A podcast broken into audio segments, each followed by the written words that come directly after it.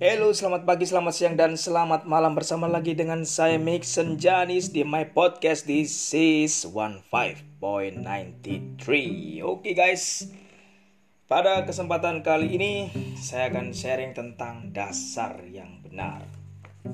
Apa itu dasar yang benar? Dasarnya adalah Yesus guys.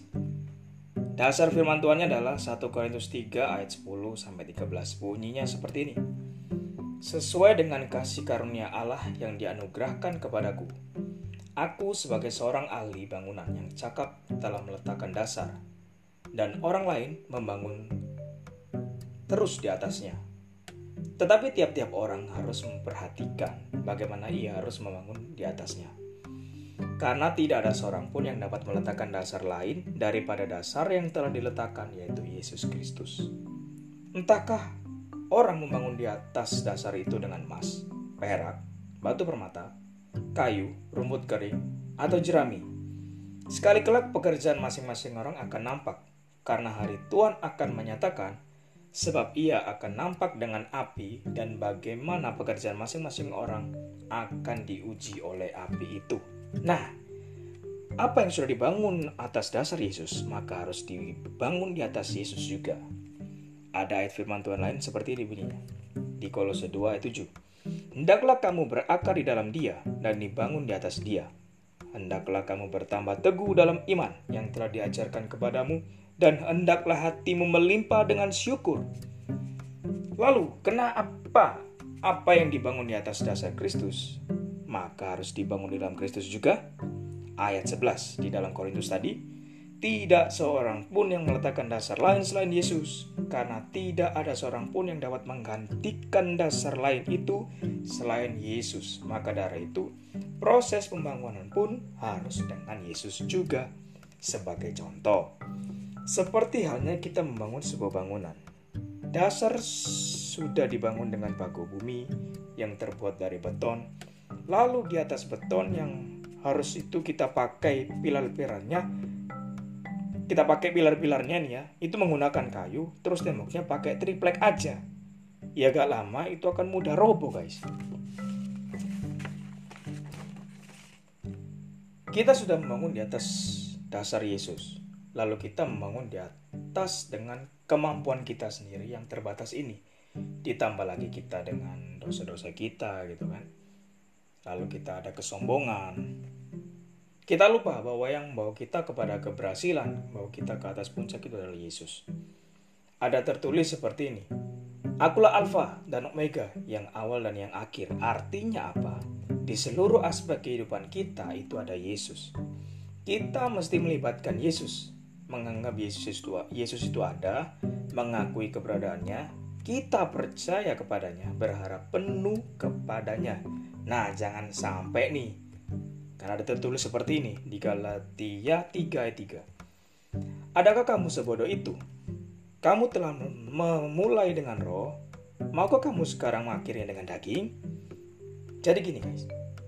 Jadi apa pun status hidup kita, pekerjaan kita, entah kita bos atau karyawan, kita presiden atau rakyat, kita pekerja pertambangan atau pengrajin, kita pekerja di ladang atau peternak, apa pun itu, kita sudah memiliki dasar yang benar yaitu Yesus Kristus. Nah, saya e, ibaratnya kayak bangunan tadi ya. Itu hanya perumpamaan, perumpamaan guys. Dasar yang kuat, beton atau baku bumi itu adalah ibaratnya Yesusnya. Lalu kayu dan triplek itu adalah yang kita bangun. Kan agak gak nyambung. Meskipun material kayu dan triplek juga dibutuhkan di dalam bangunan itu juga. Yang saya maksud di sini adalah pilar-pilar penyangga itu juga harus dari beton dan dari besi yang kuat. Baru desainnya di dalamnya pakai kayu dan triplek-triplek. Gitu kan. Nah, ada nilai baru nih lagi nih. Ngomongin desainnya itu adalah penataan ya guys.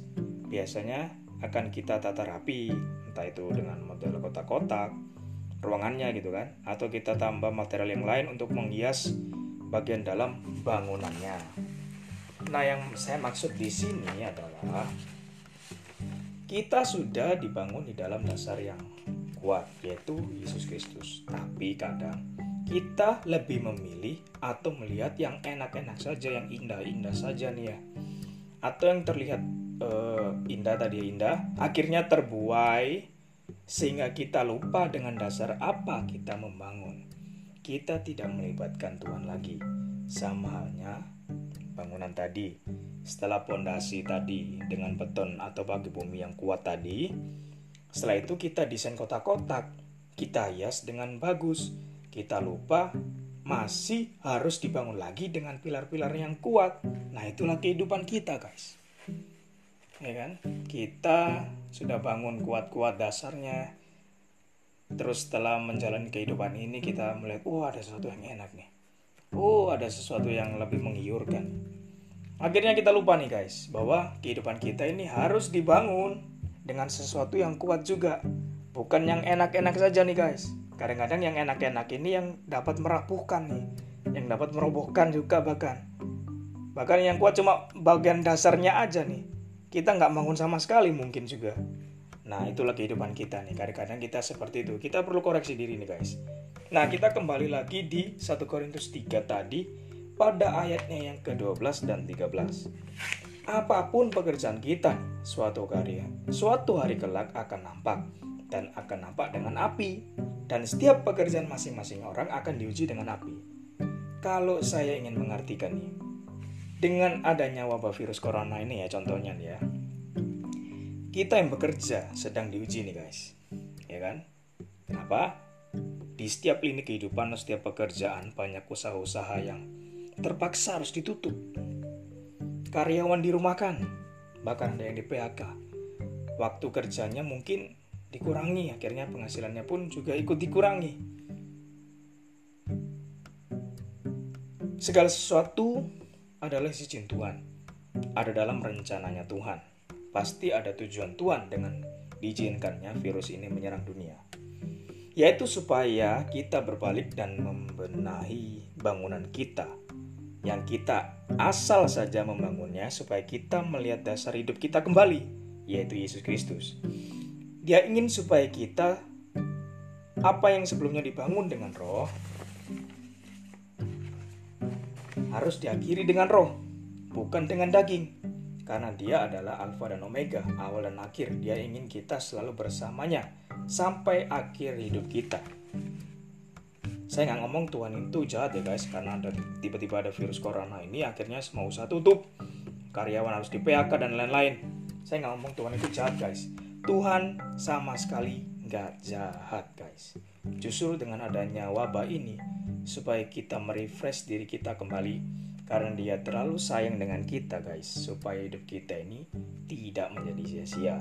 Kita bekerja terus akhirnya kita lupa, seperti tadi ya, enak enak aja nih. Akhirnya rapuh, hidup kita sendiri rapuh ternyata nih ya guys. Nah, uh, mungkin ada pertanyaan seperti ini. Lalu bagaimana dengan saya? Selama hidup saya ini saya hidup dengan Tuhan. Saya dekat dengan Tuhan. Saya melayani, saya bekerja dengan benar juga. Kenapa saya jadi kena dampaknya juga? Berarti Tuhan ini gimana ya maksudnya ini Tuhan?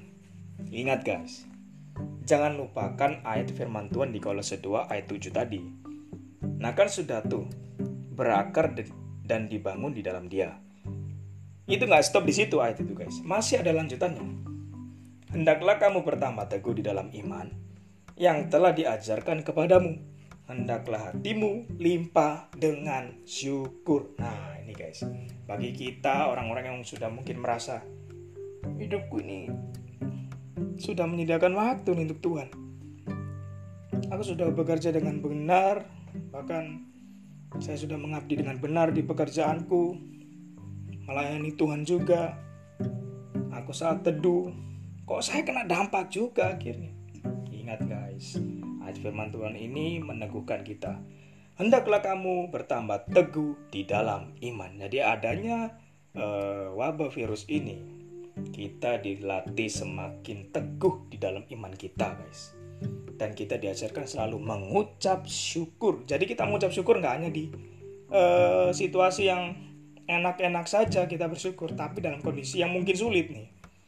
Kita diajarkan selalu limpah dengan syukur. Nah, itu guys, belajarlah untuk selalu mensyukuri, bukan hanya saat kondisi yang baik saja. Ingat, jangan mengakhiri dengan daging. Sayang kan? Sudah dibangun susah-susah, kita obrak-abrik hanya karena kecewa. Aneh kan gitu semua. Sayang banget guys. Kita tidak pernah tahu waktu kita dipanggil Tuhan. Seperti yang terjadi di wabah ini ya. Banyak sekali korban jiwa e, meninggal dunia gitu kan. Bahkan ada yang tiba-tiba aja meninggal nih. Kita tidak pernah tahu atau memprediksi sebelumnya kalau ada corona ini. Eh tahu-tahu aja muncul dan banyak korban jiwa nih guys.